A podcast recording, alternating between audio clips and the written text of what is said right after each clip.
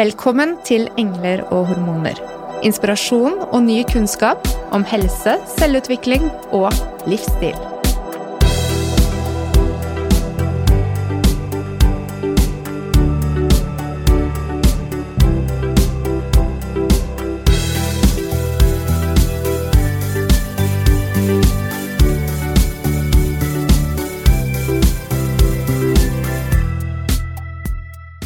Hvis du stopper opp og tar en titt på dagen du levde i går, siste uken, den siste måneden, hvordan vil livet ditt se ut i framtiden hvis du fortsetter å gjøre de valgene som du tar i hverdagen? Vil du oppnå det du drømmer om livet? Vil du være lykkelig? Er du der du vil være, eller er kursen klar fremover dit du ønsker å være? I dag skal vi snakke med vår kjære mentaltrener og coach Anniken Binds om målsetninger og motivasjon. Enkelt oppsummert, gi deg de verktøyene til å oppnå akkurat det du ønsker i ditt liv. Hjertelig velkommen eh, tilbake i studio, Anniken. Tusen takk. Har du hatt en fin sommer? Veldig fin. Bare surfet på bølgene dagen lang? Så mye som mulig. Så mye Mm. som mulig. Så bra. Hvilke faktorer er det egentlig som ligger bak vår overbevisning om at dette her klarer jeg ikke? Oi, ja. Vi starter der. Rett på. Rett på! Det er, ehm, det er veldig mye. eh, Også det er vanskelig å generalisere, for alle er forskjellige. Men eh, veldig mange av oss går rundt med eh, tanker, altså vi tror på sannheter som vi har skapt for oss selv. Ja, det er for å gjøre livet enklere for oss selv. Um, og uh, i og med at vi tror på disse sannhetene, så stiller vi ikke spørsmålstegn ved om de er sanne eller ikke. Så ofte så har vi sånne regler for oss selv at nei, det kan jeg ikke, det går ikke, det får jeg ikke til på grunn av ditten og datten. Mm. Og så ligger det jo gjerne ofte også frykt eh, i grunnen for disse, altså frykten for å feile, eller frykten for avvisning. Det er jo på en måte noe som er med å forme alle mennesker. Eh, så har vi også mye negativt selvsnakk, det har vi jo vært innom. Og det påvirker jo disse begrensningene vi Mm. har. Så, men det er det mye av jobben min består i, er å, å prøve å vri om nøkkelen til den porten, sånn at uh, man kan se ting fra, en, uh, fra et annet perspektiv og skjønne at det, det man har sett på som sannheter, ikke nødvendigvis alltid er det, og ofte så kan det begrense oss. Mm. Noen ganger kan disse overbevisningene være bra for oss også, men uh, veldig mange av oss har en god del begrensende overbevisninger. Ja, vi må rett og slett slutte å tro på alt det den indre stemmen forteller oss. For det er ikke alltid fakta, og det vil allikevel påvirke oss som om det skulle være fakta. Helt klart. Men akkurat det, det er jo utrolig vanskelig, fordi at det, det er jo sånn virkeligheten vår er. Eh, og vi er jo så vant til at det, en, den sannheten vi forteller oss selv at det er sånn. det er bare Vi stiller jo ikke spørsmålstegn ved det. Så det er utrolig vanskelig på en måte å, å se det fra et annet perspektiv ofte, da. Så det hjelper det gjerne å snakke med folk. Eh, kanskje ikke alltid dine nærmeste, fordi jeg vet at ofte når mannen min påpeker et eller annet, som jeg gjør, så bare åh, nei. så blir jeg ikke åpen for å høre på han.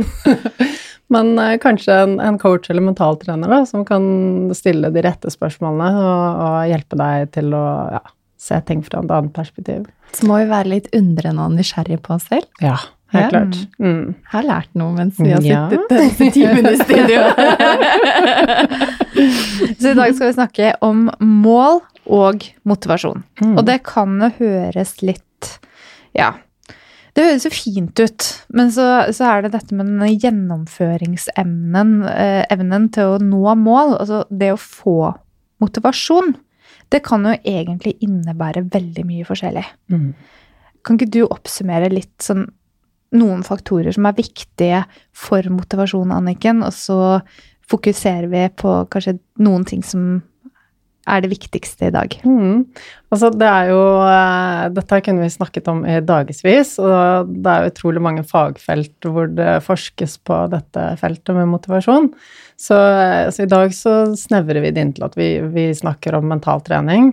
Eh, og innad i mentaltrening så er det veldig mange verktøy vi bruker å, som kan hjelpe oss til å trene opp motivasjonen. Vi skal spesielt snakke om noen av de. Men jeg kan kanskje forklare litt sånn til de som ikke har uh, hørt så mye på episodene før, hva mental trening er, sånn at vi har litt uh, peiling. Uh, og mental trening det kan brukes til utrolig mye, men det handler jo om å få resultater og øke prestasjonene våre. Og det kan være i alle områder av livet. Kanskje bare at vi ønsker mer ro. Kanskje vi ønsker å lettere sovne på kvelden. Kanskje vi skal trene oss opp til OL. Eh, en eksamen, kanskje vi vil ha det, et bedre forhold med partneren vår. Altså, det er så mange områder av livet vi kan prestere bedre på. Mm. Eh, og eh, motivasjon er en veldig viktig mental ferdighet som er med på å øke vår evne til å regulere oss selv, som da er med på å, å forbedre resultatene våre. Så jeg skal forklare det her veldig kort. ja, men jeg er så optimistisk når du sier at dette er trenbart, Anniken. Mm. Fordi motivasjon, da tenker jeg sånn Man kan jo gå tilbake og tenke på situasjoner i livet der man har vært motivert. Mm. Men så er det kanskje noen ting som man må gjøre for å nå et mål som ikke alle oppgavene er like motiverende. Men der mm. kan vi også trene oss opp for å føle motivasjon, eller bare bli gode på å gjennomføre. Begge deler. Ja. Mm. Så, og det er jo sånn Litt sånn mye med mye mental trening, så høres det ofte litt flåsete ut.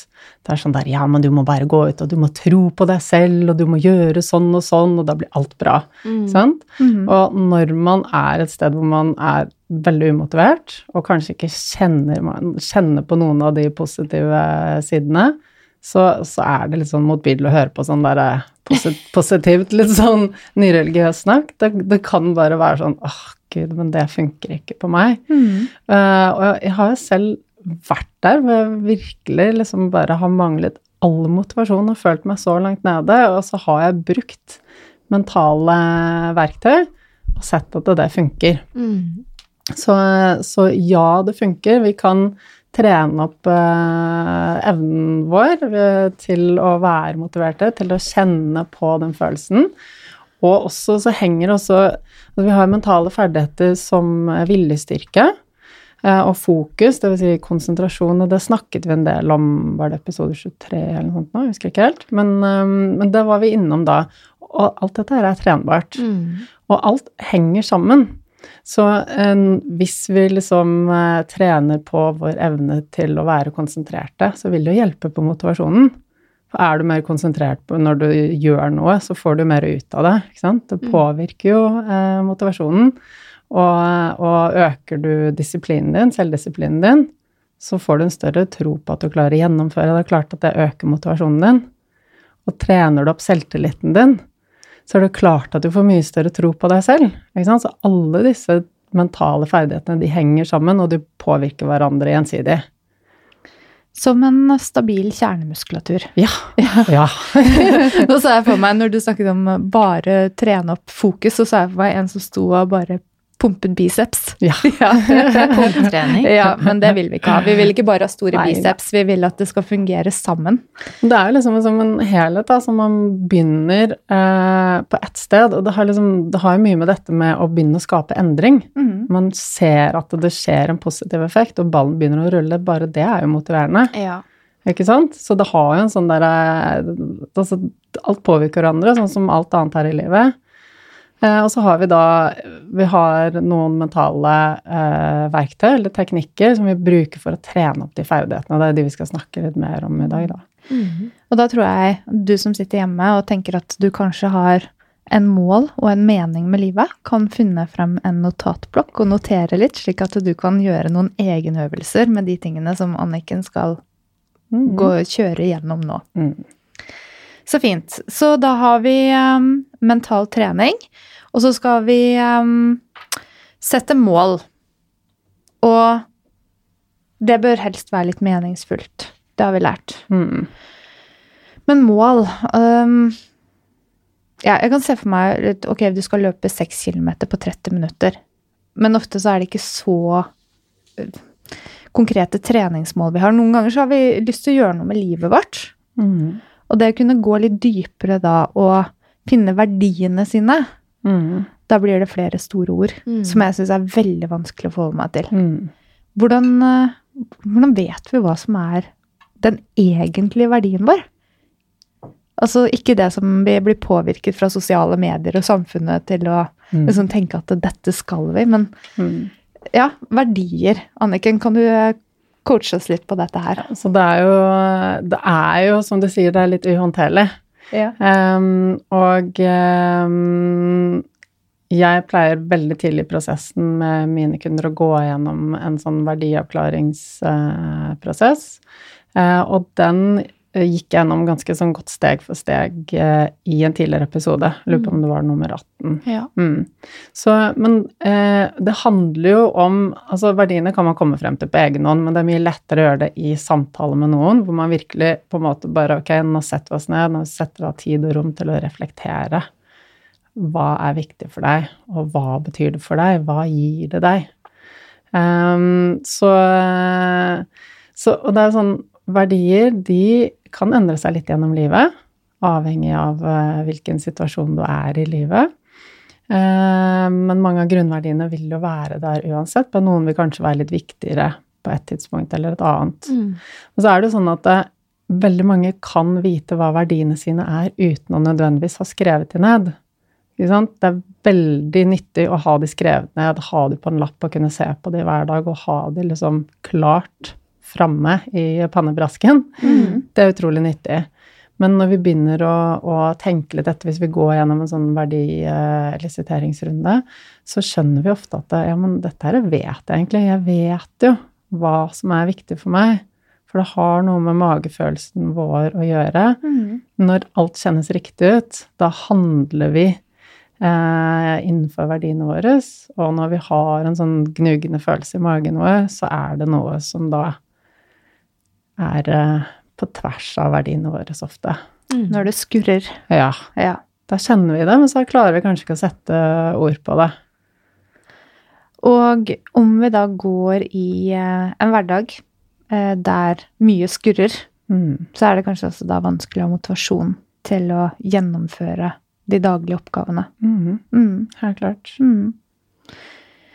Så um, hvis uh, et liv er uten mål, så kan det være ganske meningsløst.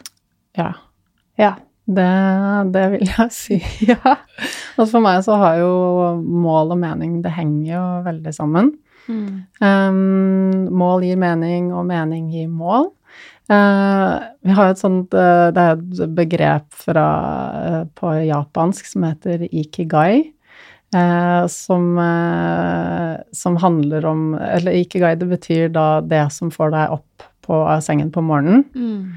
Og de sier jo det at de som har dette, eh, de lever mye lenger. Så du må være målbevisst da, for å ha et godt liv? Ja, Eller altså kan du være akkurat- en som på en måte bare go with the flow og gjør det som faller seg inn der og da? men det, du kan jo det også. Ja. Altså, det er jo ikke sånn at du må sette deg et mål. Men dette med denne livsgnisten eller den driven eller den passion, den Mm. ikigai, det handler jo om mening og kanskje mer i retning av eh, hva du ønsker å få ut av livet, hva som er viktig for deg. Eh, og, og det gir livsgnist. Mm. Ikke sant? Det har noe med at eh, det du tenker på, det du føler, det påvirker hele kroppen din. Så de som har det, de lever faktisk lenger. Mm. Og du trenger ikke ha et konkret mål. Sånn, du, altså, det trenger ikke være at du har skrevet det ned, at eh, målet mitt er at jeg skal eh, skrive ti bøker før jeg blir 50, eller Du kan bare ha den driven likevel. Mm. Sant? Det er mange som har drive og pågangsmot uten å ha klart og skrevet ned målet sitt. Altså er det jo et mål de har, ofte, ikke sant? Selv om de ikke har uttalt det. Mm. Og så er det mange som, som da ikke finner motivasjonen i det hele tatt, men den kommer når man begynner å jobbe konkret med et mål. Og sånn personlig så har jeg alltid vært sånn Jeg har hatt masse mål. De har ikke vært eh, Jeg har ikke jobbet med dem på den måten man gjør innen mental trening. Men hele livet mitt så har jeg hatt masse ting som jeg har satt meg for at det skal jeg gjøre. Og hatt en enorm drive hele veien. Og alle mennesker er forskjellige. Noen har en større evne til å gjennomføre ting, til å på en måte sette seg et mål og gjøre det. Mens andre må kanskje jobbe mye hardere for å trene opp den evnen. Mm. Så det er det vi skal lære i dag, da. Å trene opp evnen. Men du har hatt perioder i livet der ting ikke har vært Mhm. så Helt klart. drevent, Helt på en måte. Ja, du har vært innom det og kjenne litt på den her. Veldig. Ja. Og jeg tror at det er en styrke å ha vært uh, innom det, men jeg må jo si at det kommer som et sjokk. For, uh, for alltid har vært sånn full av energi og masse sånn yes, Mange mål, da. Hele Mm. tiden visst hvor jeg skulle og hva jeg skulle gjøre. Mm. eh, og har hatt en sånn enorm livslyst, og så plutselig være et sted hvor jeg bare kjente at ingenting interesserer meg. Og når man ikke er interessert i noen ting, så mister man helt livsgnisten. Mm. Så jeg var skikkelig langt nede, hadde ikke noe energi og bare Men åh, skal jeg liksom gjøre? Hva var det du gjorde da for å finne den motivasjonen for å komme deg videre? Sånn sakte, men sikkert så var det det jeg skal innom eh, og snakke om i dag. Det er å sette mål Mm. eh, og komme i kontakt med eh, hva som var verdiene mine. Mm. Det var på en måte det viktigste. Um, men eh, jeg må jo si at eh, altså, da jeg var der, så husker jeg det var en som spurte meg ja, ok, nå skal vi finne ut av hva du har, liksom, har lyst til å gjøre og sånn. Så, så ja, hva ville du gjort hvis du hva, hva, hva har du lyst til å jobbe med hvis du hvis penger ikke var et issue, liksom? Og jeg bare «Åh, ingenting. det var liksom et sted hvor liksom ingenting funket, da. Mm. Eh, Likegyldig, liksom? Ja, helt likegyldig. Jeg kunne aldri fatte meg at jeg kunne bli interessert i noen ting. Men så er det dette med at eh, ok, kanskje du da eh, liksom bare, bare begynne i det små. Sette et lite mål. Det trenger ikke være sånn et stort livslangt mål eller eh, noe som er, har med jobb å gjøre. eller noe, Men det kan være et lite mål om at huset skal være rent til søndagen, eller bare en sånn liten ting, da. Ja, det hørtes motiverende ut. Kanskje for noen, da. For meg er det eh, veldig viktig å ha det rent og ryddig rundt meg, Ja. så det er, det er et viktig mål for min del. Men Ja, det er jo gjerne delmål, da. Altså Ja. sånn, Et mål kan jo virke veldig fjernt og være vanskelig å forholde seg til hvis man ikke Mm. har noen steg man må ta i løpet av veien, Mm. på en måte. Helt klart. Eh, hvis man setter seg et mål, så er det veldig, veldig viktig å sette delmål. Det er det. Mm. Mm.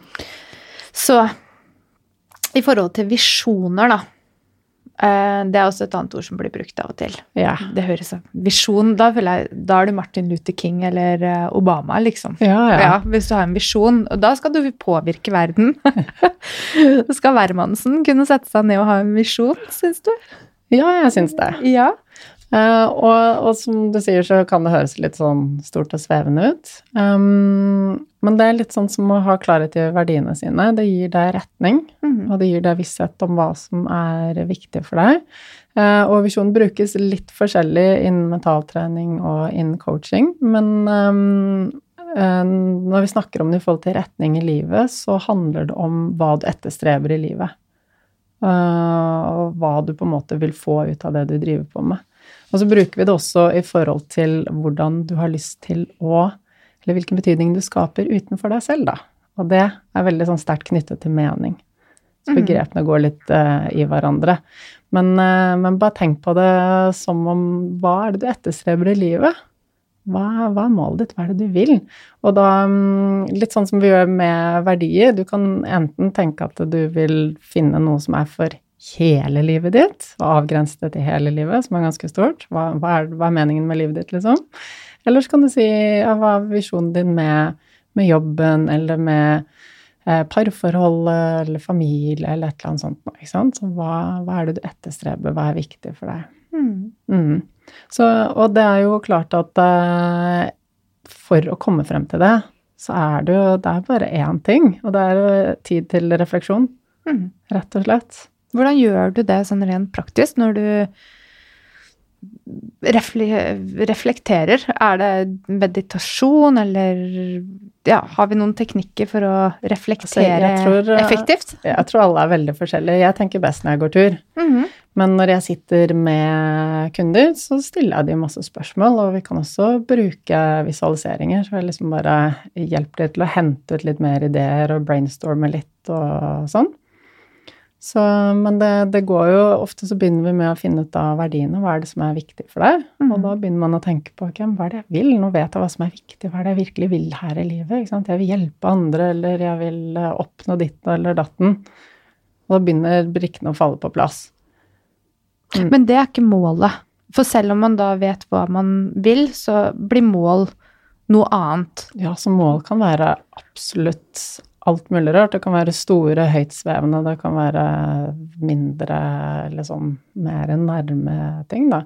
Um, det kan jo også, Visjonen kan jo på en måte være målet ditt, og så, er, og så er det på en måte et sted hvor du Kanskje du når aldri det målet eller den visjonen, men det å ha det der er det som gir deg den driven, da. Mm. Eller den ikigaien, som, ikke uh, som er den grunnen til at du står opp av sengen på morgenen. Mm. Mm. Sprette opp av sengen med ikigai. det er jo ingenting som er bedre da, enn de morgenene hvor du faktisk virkelig spretter opp av sengen. Nei, det er helt fantastisk. Det er jo det. Ok. Jeg tror at mannen min aldri har opplevd, når jeg tenker meg om, så er det liksom Har jeg noen gang sett uh, ikigai i deg, Frode? han kan jo kjenne det selv om han ikke viser det. På 1. april så gikk jeg inn og sa at du har forsovet deg. Klokka er ja, mye mer enn det den egentlig var. Og da spratt han opp. han har en passion for jobben sin, da. ja. Sannsynligvis. Men uh, det, de ulike typene for motivasjon, da, for der kjørte jeg en sånn veldig ytre motivasjon på min kjære mann. Mm. Ja. Mm. Men uh, vi vil jo gjerne at denne ikigaien kanskje skal være en sånn indre drive. Det føles i hvert fall for meg som noe etterstrebe, at det er noe som ligger i deg, mm. at ikke du blir dratt mot mm. noen ytre motivasjon. Mm. Um, kan vi snakke litt om det? Hva er indre, og hva er ytre motivasjon? Mm. Så ytre motivasjon er jo som du beskriver det, den kommer jo ofte utenfra i form av belønning. Eh, eller da Frykt. Da, ja, ikke sant? ja. Frykt. Eh, det at du vil unngå straff. Eh, eller så kan det også henge med, sammen med det du var innom tidligere, forventninger fra samfunnet rundt deg. Eh, og, og, ja, det er ikke, som du liksom var innom i stedet, det er ikke alltid så lett å skille mellom hva er dine forventninger, og hva er de ytre forventningene. Mm. For dette er jo ting som vi på en måte har gått i hele livet vårt. Eh, og, og det er jo kanskje at vi trenger tid til refleksjon.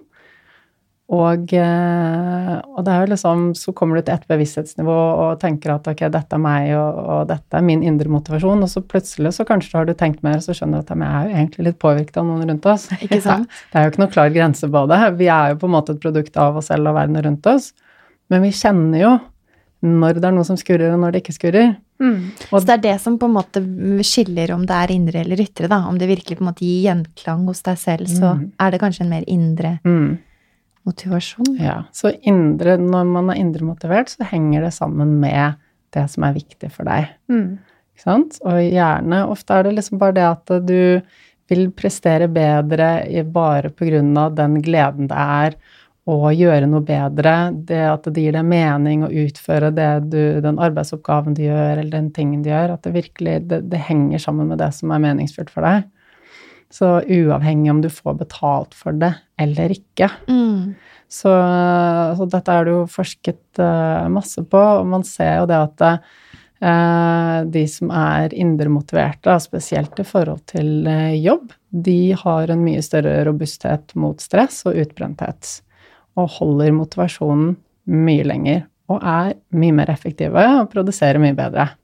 Så det er jo ikke så rart. Det er jo ikke det. Jeg tenker på innsatsen du gir når du er motivert og gjør noe du syns er gøy, mm. fremfor når du føler deg presset eller truet mm. til å gjøre noe. Mm. Um, ja. Truet var kanskje litt dumt ord, men Ja, men det kan jo, ikke sant. En avstraffelse. Ja, hvis du ikke kommer i mål, så får du ikke bonusen din, eller eh, sånn barneoppdragelse var før i tiden. Det var jo mye straff istedenfor å motivere, ikke sant. Mm. Så ja.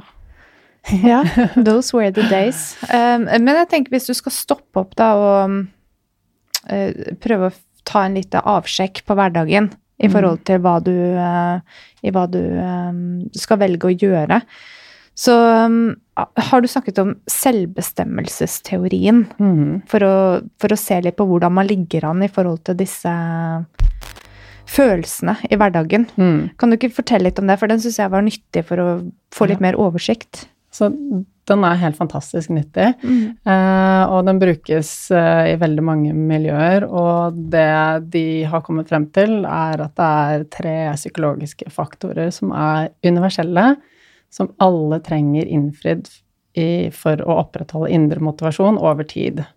Når man gjør noe sånn og på liksom korttidsperspektiv så kan man være yttermotivert og opprettholde motivasjonen, og det kan være greit, ikke sant?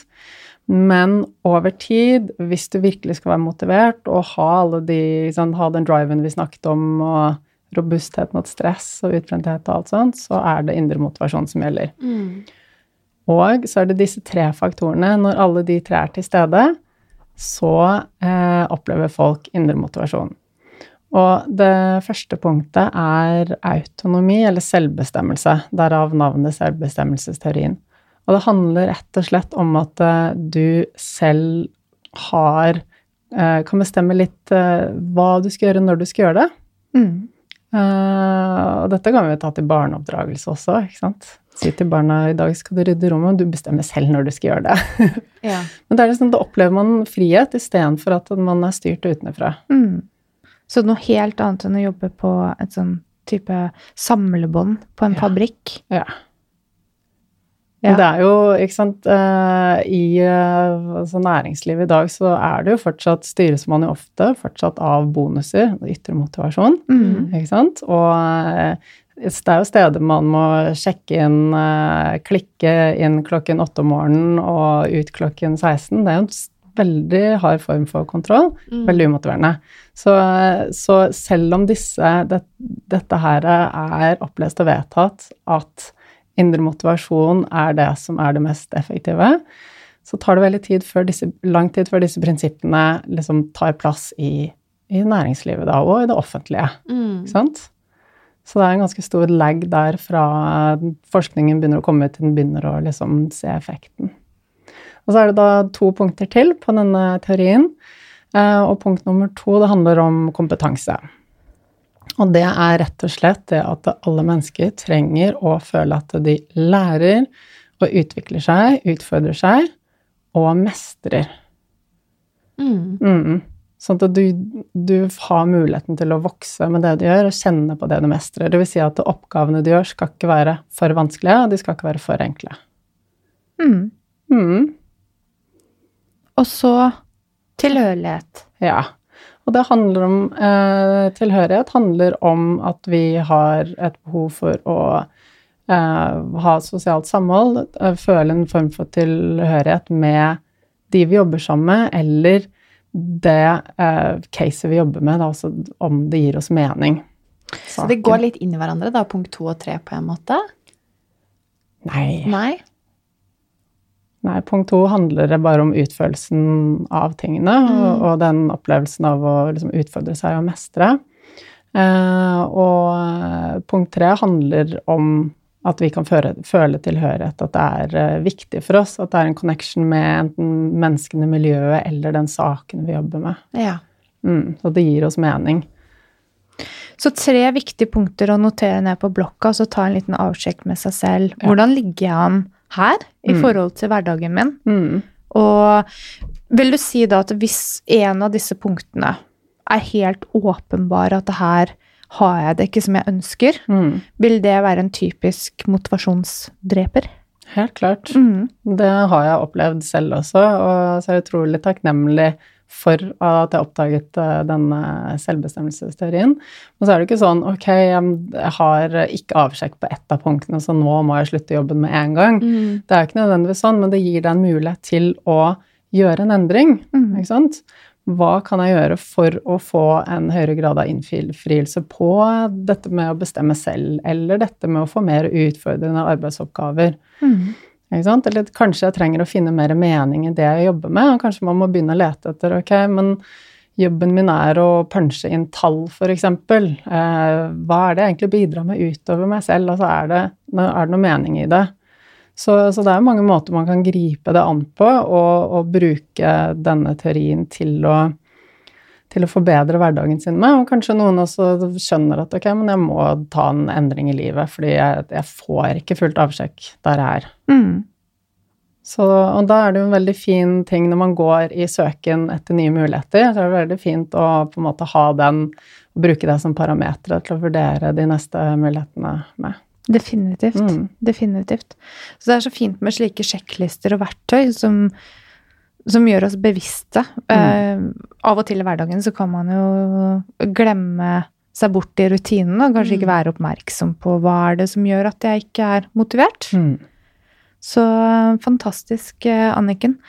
Så hvis vi da um, begynner å finne motivasjonen da, for å oppnå her i livet, og skal sette oss et mål. Hva er det som er mm. viktig da, når vi skal sette oss et mål? Ja, så da har vi jo Du var jo innom noen av punktene her i sted.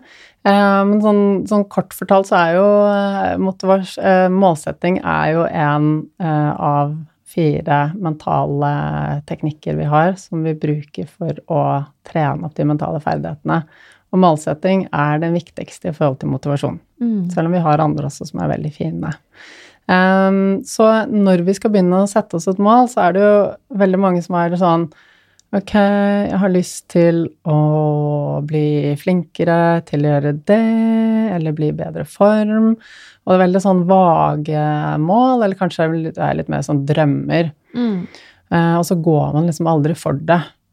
Men for at et mål virkelig skal funke, uh, så må det være ganske konkret og spesifikt. Så du må vite hva du sikter på. Og da har du en modell som du følger, eller? Mm, jeg har en, eh, en, modell som jeg følger, og den mm. tenker jeg at uh, den går vi gjennom her nå. Så kan jeg kanskje også dele den på uh, Instagram-kontoen deres. Mm.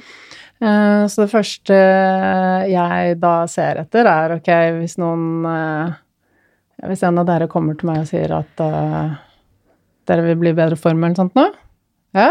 Mm. Da skal jeg være nå skal jeg i bedre form. Ja. Nå snakker jeg med deg, Anniken. Ja. Mm. Så det er min, eh, det er min drøm ja, å, å, komme i bedre form. Ja. Mm. Og så er det litt sånn, ok, men bedre form, hvordan skal du vite når du har nådd målet ditt? Så da spør jeg deg, ok, men hva, hva, betyr det å være i bedre form for deg? Da blir det plutselig litt skummelt, for nå blir det litt mer realistisk med en gang. jeg husker at jeg løp mye mer før, og den følelsen av å løpe i skogen, um, den vil jeg ha tilbake. Mm. Og da kanskje um, en litt lengre tur enn det jeg mm. føler jeg klarer akkurat nå. Mm. mm.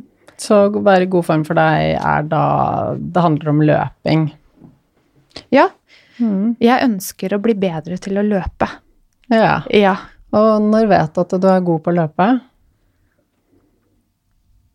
Jeg tenker at hvis jeg klarer en uh, runde på um, en mosjonsrunde som jeg har hjemme på en sånn halvtimes tid, da tror jeg jeg skulle være ganske fornøyd, for det passer så godt med familien.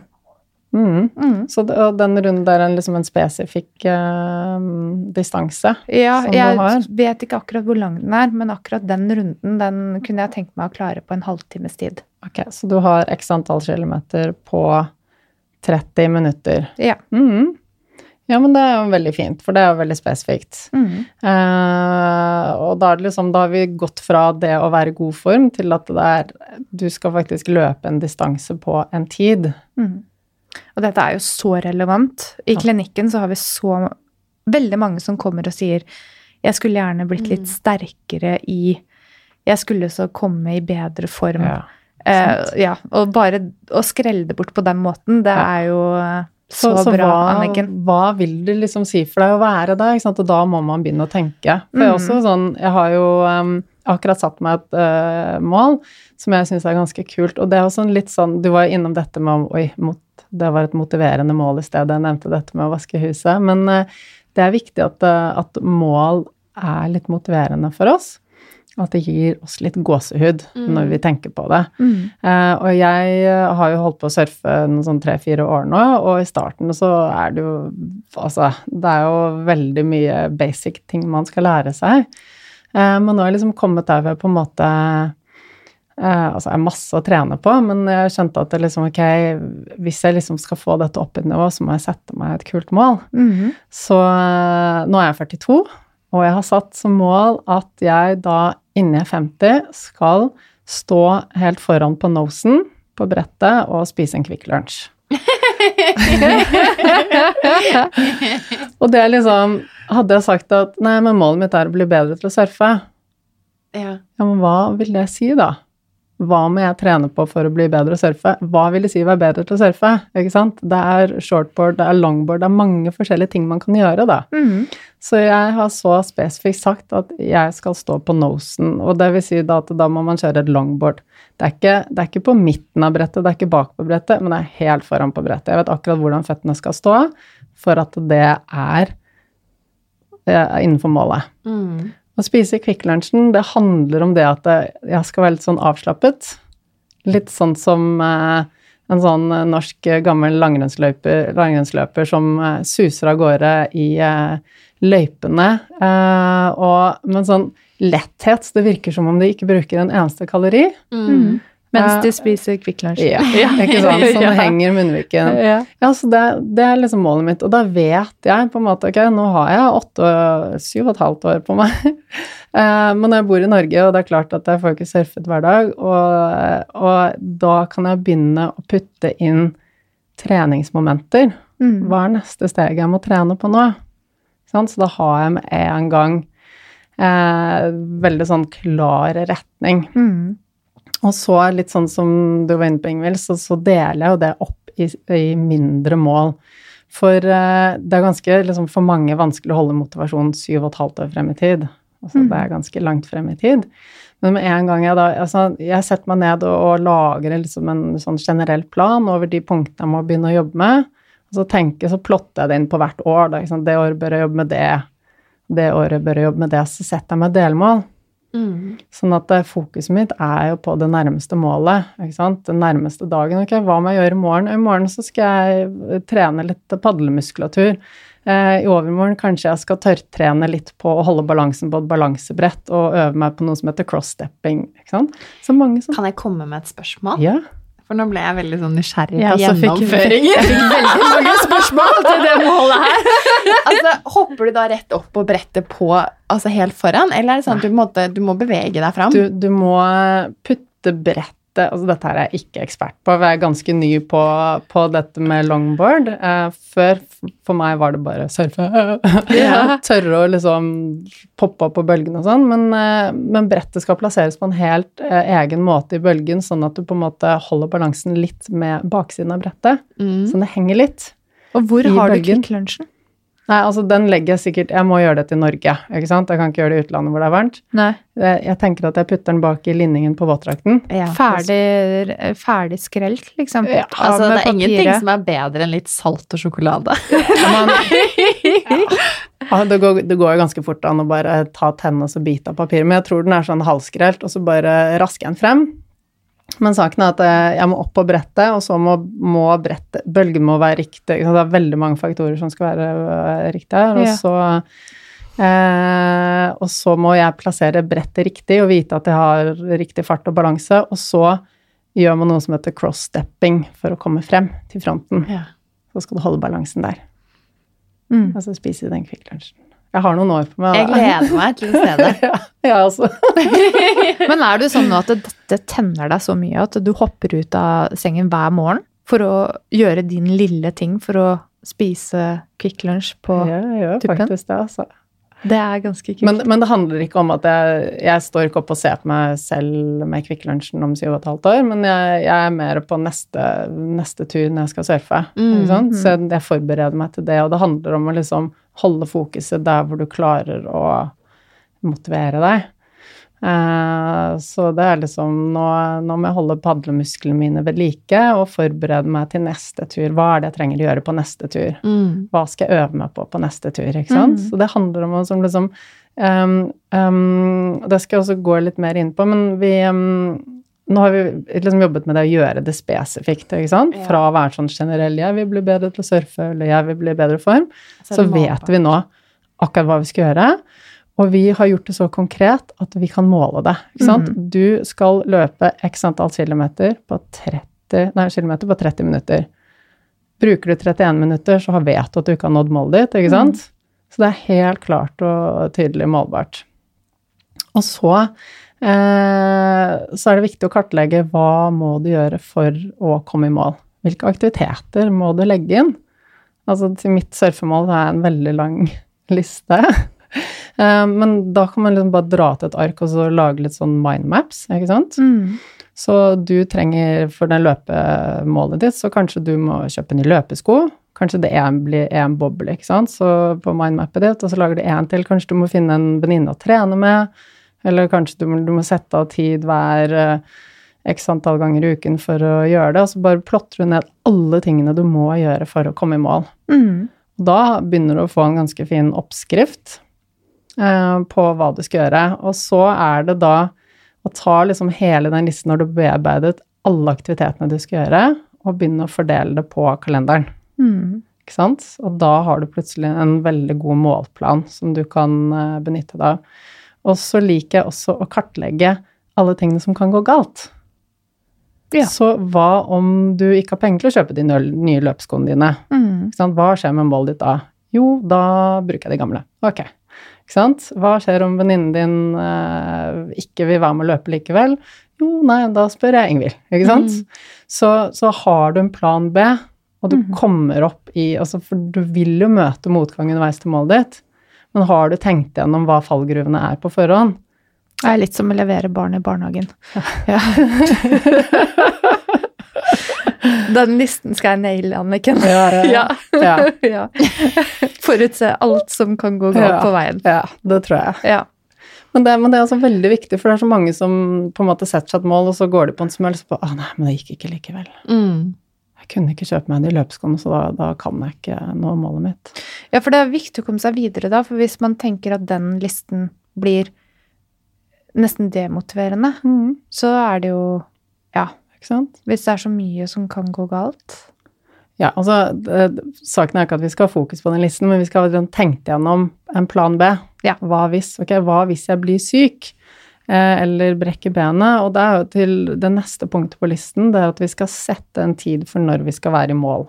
Mhm. Eh, og jeg sa jo også at vi skal putte alle disse aktivitetene inn i kalenderen, ikke sant? Så da fordeler vi det. Og du kan liksom lage en litt generell fordeling i starten, og så kan du liksom hver uke eller noe liksom la, putte mer spesifikt inn de, de små målene eller oppgavene dine. Eh, men si at du har satt som som et mål at det skal skje innen 1. november, -hmm. så blir du syk en hel måned. Mhm. Da må du begynne å justere på, eh, på tidspunktet. Men det er det som er så fint med målet. Det var vi jo innom i den episoden vi spilte inn eh, em, om å endre vaner og sånn også, tror jeg. Det med å um, ikke miste motet. Eh, hvis eh, noe går galt, da, ikke sant. Så ok, ja, så ble du syk en måned. Mm. Hva skjer da? Det skjer ikke noe annet enn at du bare utsetter planen din litt. Men det er så lett å på en måte Nei, men da kan det være det samme. Yeah. Jeg fikk det ikke til, ikke sant? Mm. Men du har en plan B, og vi skal også legge inn i denne målprosessen at vi med jevne mellomrom evaluerer hvordan vi ligger an. Hvordan ligger vi an tidsmessig? Hvordan ligger vi an i forhold til aktivitetene våre? Mm. Kan vi kanskje sette datoen frem i tid, eller må vi sette den, skyve på den i tid? Eller kan vi legge inn, må vi legge inn flere aktiviteter eller færre aktiviteter? Ikke sant? Så ved jevnlig å evaluere, så kan vi justere. Så det, har ikke noe, det er ikke noe som heter å feile. Det heter feedback, Ja. og det heter at vi justerer deretter. De fleste av oss som setter et mål, er jo ikke så avhengig av at det må skje på én dag, hvis ikke det er et løp eller noe, for vi er jo ikke sånn VM. Det er ikke VM jeg skal trene Nei. til. Men det er jo det med at når vi setter en dato, Ja. så blir det ekte. Mm. Og det blir motiverende. Mm. Og vi får en helt annen drive. Skriv ned målet på et ark, heng det opp og se på det hver dag. Yeah. Og når du går gjennom alle de punktene her, så blir det jo som en kontrakt med deg selv. Det er helt annerledes å si 'jeg skal bli i bedre form' til 'jeg har en plan'. Innen den og den dagen så skal jeg løpe så langt på denne tiden, og dette er planen min for å komme dit. visualiserer du da på en måte den følelsen det vil gi deg, eh, Mona? Du sa 'jeg drømmer om å Eller jeg ønsker å løpe på den måten jeg kunne før'.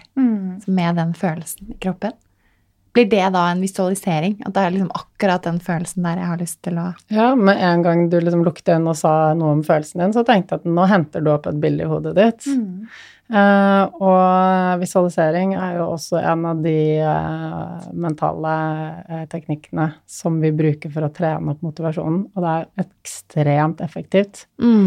Eh, og altså, vi vet jo alle at eh, tro kan flytte fjell.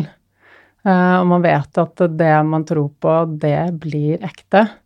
Så, og det er jo sånn med mål og motivasjon også. Hvis vi ikke har tro på at vi kan komme i mål, blir det mye vanskeligere å komme dit. Og hvis vi har tro på det, hvis vi kan se for oss selv hva er i målet, så er vi der allerede. Eh, Og da skjer det noe med hele oss. Så eh, jeg bruker mye visualisering for å jobbe med motivasjon. Jeg, når jeg setter mål sammen med kunder, så, så går vi gjennom hvordan vil det være å være i det målet. Eh, og i den prosessen så kan det hende det dukker opp ting med, som de ikke har tenkt på. det. Ok, Og så veien til målet og det å være i målet. Eh, det kan hende det dukker opp sånn ja, men jeg har ikke tenkt på at det kommer til å påvirke de rundt meg sånn og sånn, eller kan dukke opp ting da som kanskje gjør at uh, man må gjøre noen justeringer. Og så er det f.eks. også sånn mange som sier ja, nei, men jeg har lyst til å gå ned i vekt og begynne å trene og, og alt sånt der. Og så hvis de ikke klarer å se for seg selv at de er liksom ute og trener hver dag, hvis deres bilde av seg selv er at de ligger på sofaen og ser på TV og spiser potetgull hver dag, så blir det veldig vanskelig å gjennomføre den endringen. For da pusher de mot strømmen. Så, og, så derfor er det veldig viktig å på en måte hente opp da bildene i hodet. Hva, hvordan ser du for deg at det skal være målet, og så jobbe med det. Og er det noen faktorer som ikke er på plass, så kan vi gjøre de endringene i, i samtale. Mm. Og det er utrolig viktig. Så bruker jeg også visualisering veldig mye personlig, bare for å Kanskje jeg trenger å bare booste motivasjonen der og da hvis jeg skal gjøre en arbeidsoppgave, eller hvis jeg er ute og liksom løper i en motbakke som er litt tung. Så har jeg sånne bilder som jeg kan hente opp i hodet mitt, som gir meg umiddelbar energi. energi. Det er jo et- såkalt anker, og eh, som gir en følelse som gir meg energi. Så bildet er et anker. Bildet er et anker på den følelsen. Og det, hvis dere tenker etter, så brukes jo det i trening allerede veldig mye. Bare tenk på hvordan man bruker musikk for å liksom gi energi, og gi, det gir deg en følelse som gir deg energi. Og tenk på hvordan lukter også kan skape en følelse. Bare tenk på når du lukter liksom fjorårets solkrem. solkrem. Hva skjer med deg da, ikke sant? Så vi kan bruke lukter og lyder og bilder til å skape en følelse. Definitivt. Definitivt. Mm. Og det er jo um, Jeg henger meg litt opp i det du skrev, eh, sa om at man kan skrive målet sitt og henge det på veggen. Mm. Fordi hvis man da våkner opp og ser på målet sitt på veggen, Mm. men ikke får lyst til å gjøre noe, Hvis man ikke får lyst til å gjøre akkurat eh, det som står eller, der. ja, eller noe for å komme dit, eller man har ikke motivasjon, da. Ja. Er det målet som er feil da, eller er det det kan godt hende at det, kanskje det ikke er uh, henger på grep med det som er viktig for deg. Mhm. Kanskje det er for lett. Ja. Uh, og fordi det er jo forsket på det at uh, hvis målet ditt er for lett, så skaper det ofte ikke den motivasjonen. Mm. Så du skal gjerne henge litt høyt. ja. Så, så det, kan være, det kan være veldig mange grunner. Ikke sant? Hvorfor mangler en person motivasjon? Det er jo veldig mange andre faktorer som kan trekkes inn dem, hvis vi liksom holder på dette med målarbeidet, så, så er det en del justeringer vi kan gjøre det. Så, så går det an å på en måte sette seg ned og virkelig analysere målet, da. Gi det deg gåsehud? mm. Ikke sant? Og hva betyr det for deg? Det å komme i mål, hva vil det gi deg? Hvor viktig er det for deg? Hvis det er litt sånn Ja, men altså Huset kan godt være møkkete på søndag, altså. Så er det Det var det jeg tenkte. Men jeg tenker det er, det er veldig fint å tenke på det at, at man kan stoppe opp litt og så kjenne på dette, da. Fordi alt i alt, hvis folk jobber mot det som gir en positiv følelse og resonnerer med deg, og påvirker de rundt deg bra, og kanskje miljøet og andre ting som er viktig for deg, så vil det jo skje mer i verden som er positivt. Mm. Hvis alle kan stoppe opp og ikke være sånn høns som går i samme retning og ha Mm. de ytre målene. Mm. Så det er, eh, Mm. det er veldig fint. Ja. Så hvis, hvis ikke du har lyst, så finn et annet mål. Helt klart. Og det var Mm. ett et punkt til også på den der listen som eh, Den smørbrødlisten jeg pleier å bruke når vi analyserer mål, og det er at det, det skal være realistisk. Så ja, målet bør være litt høythengende. Skal gi deg litt gåsehud og litt sånn Wow, dette blir bra, jeg vet ikke helt. Men du skal liksom likevel vite at det er innenfor eh, evnene, da. Mm. Ikke sant? Du, du, er, du kommer ikke til å bli president i USA, for eksempel, Mona. Ikke sant? Det ville vært litt sånn urealistisk. Ikke sant? Men hvis du, Ingvild, sier at eh, til om fem år eller til neste år så vil jeg liksom delta i Norseman eller et eller annet, ja, Ja. ok. Kanskje om to år, ikke sant? Det er litt mer innenfor ja, hvis du går all in for det, Mm. hadde du fått det til, Mm. ikke sant? Ser meg selv på toppen av Gaustatoppen der, altså. Ja, ja. Bare bli kvitt den høydeskrekken den skal hjelpe meg med. Ja, Men hvordan føles det da, Ingvild, å stå der etter å ha gjort Norseman? Det må sikkert føles helt fantastisk, men det er ikke nødvendigvis det, mitt mål. Ikke sant? Men da er vi tilbake til det. Det, det her. Den gir, meg, gir ikke meg den der pirrende følelsen, men det å gå en fantastisk fottur på et høyt fjell, det gir, gir gjenklang i meg, da. Mm. Jeg tror kanskje vi må hente inn noen som kan eh, male det bildet litt tydeligere for deg Mm. i en Ja. senere episode. Må kanskje det. Det kan vi gjøre, vet du. Mm. Mm. Tusen hjertelig takk, Anniken. Er det noe mer vi har eh, Er det noe mer vi må innom nå? Jeg sitter og bare hm, Hvilke mål skal jeg eh, sette meg? Ja, så det er jo, altså, som jeg sa, det er et kjempestort tema. Vi kunne jo snakket om dette i timevis. Mm. Eh, men vi har vært innom det viktigste, det er hvordan vi setter oss mål. Og det er jo litt sånn som jeg er veldig opptatt av, at vi trenger ikke å klare alt alene. Så gjerne finn noen å snakke med, om det er en venn, eller om du tar en time hos en coach eller mentaltrener. Det er ikke sånn, Vi nordmenn er litt sånn vi skal klare alt selv, vi. Ja. Ja, vi skal klare å vaske huset, og alt skal skje, ikke sant? Og så tenker jeg at det, veldig mange tror da at hvis de skal til en coach eller en mental trener, så må det målet være så ekstremt høyt. Eller det må liksom Det handler om liksom toppstillinger i de ypperste Trenger det absolutt ikke å være. Det kan jeg skrive under på at det ikke behøver å være. nei, nei, nei. Og så er det liksom det at eh, kanskje du da gjennom en samtale, kanskje du går til en coach og tenker at uh, dette skal jeg, dette er viktig for meg, og så, Mm. så skjer det veldig mye ting i samtalen, at man får mulighet for å reflektere, da. Altså i samfunnet vårt sånn som det er i dag, så skjer ting så fort. Og vi har veldig lite tid til Mm. refleksjon. Så bare det å ha muligheten til å tenke og bli stilt de viktige spørsmålene, kan jo gjøre at du endrer planen helt. Du gikk inn til coachen og tenkte at dette skal jeg jobbe med, og så plutselig så får du rom for å tenke, og så bare ok, ja, men nå er vi på et annet sted. Eh, så det er veldig mye verdien det å, å gå og snakke med noen, er at du faktisk får tenkt deg om. Jeg, altså, jeg er veldig opptatt av at vi skal ikke klare alt alene, og det er litt sånn som når man får barn, da, sånn, sant, du er jo nå småbarnsmor, Mm. jeg husker hvordan jeg var, men jeg skulle klare alt. Jeg skulle gjøre alt det samme som jeg gjorde før jeg fikk barn, og jeg skulle fikse alt som handlet om å holde huset rent og skifte alle bleiene og ta oppvasken og lage middag. Alt skulle være på stell. Men det går jo ikke i hop.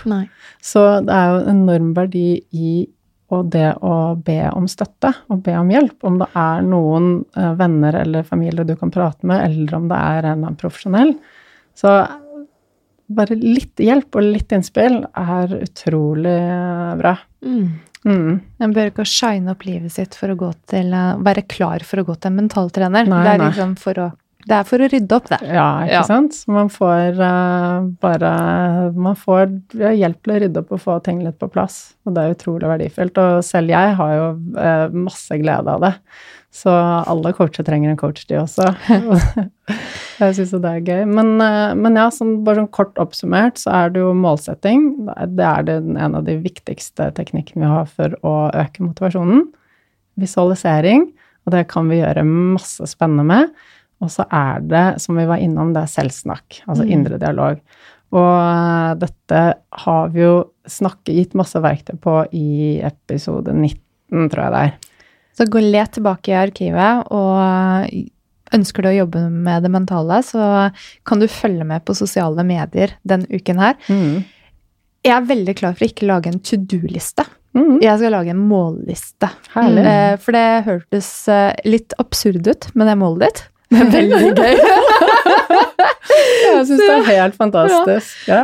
Så la oss jobbe sammen for å gi lytterne våre de samme opplevelsene til at de kan sette seg litt sånn eh, ja, gåsehudmål eh, som det du kom med der, Anniken. Og hvis du eh, har lyst til å stille Anniken noen spørsmål, så kan du også svare på våre poller i sosiale medier. Vi er så glad for å ha deg her, Anniken, og vi gleder oss til du kommer tilbake for å Mm. utfordre oss enda mer. Nå begynner vi å jobbe oss gjennom basicen, og eh, i dag har du gitt oss verktøy til å se videre, Mm. og det setter vi veldig stor pris på. Ja, tusen takk. Og del gjerne episoden med venner og øvrig familie og alle. For dette her er eh, noe absolutt alle har bruk for. Og gir motivasjon. Mm. Og jeg har bruk for det selv også. Ja, samme her. Den evige runddansen, og ikke minst, vi ses igjen neste uke. Ha det bra. Ha Ha det det.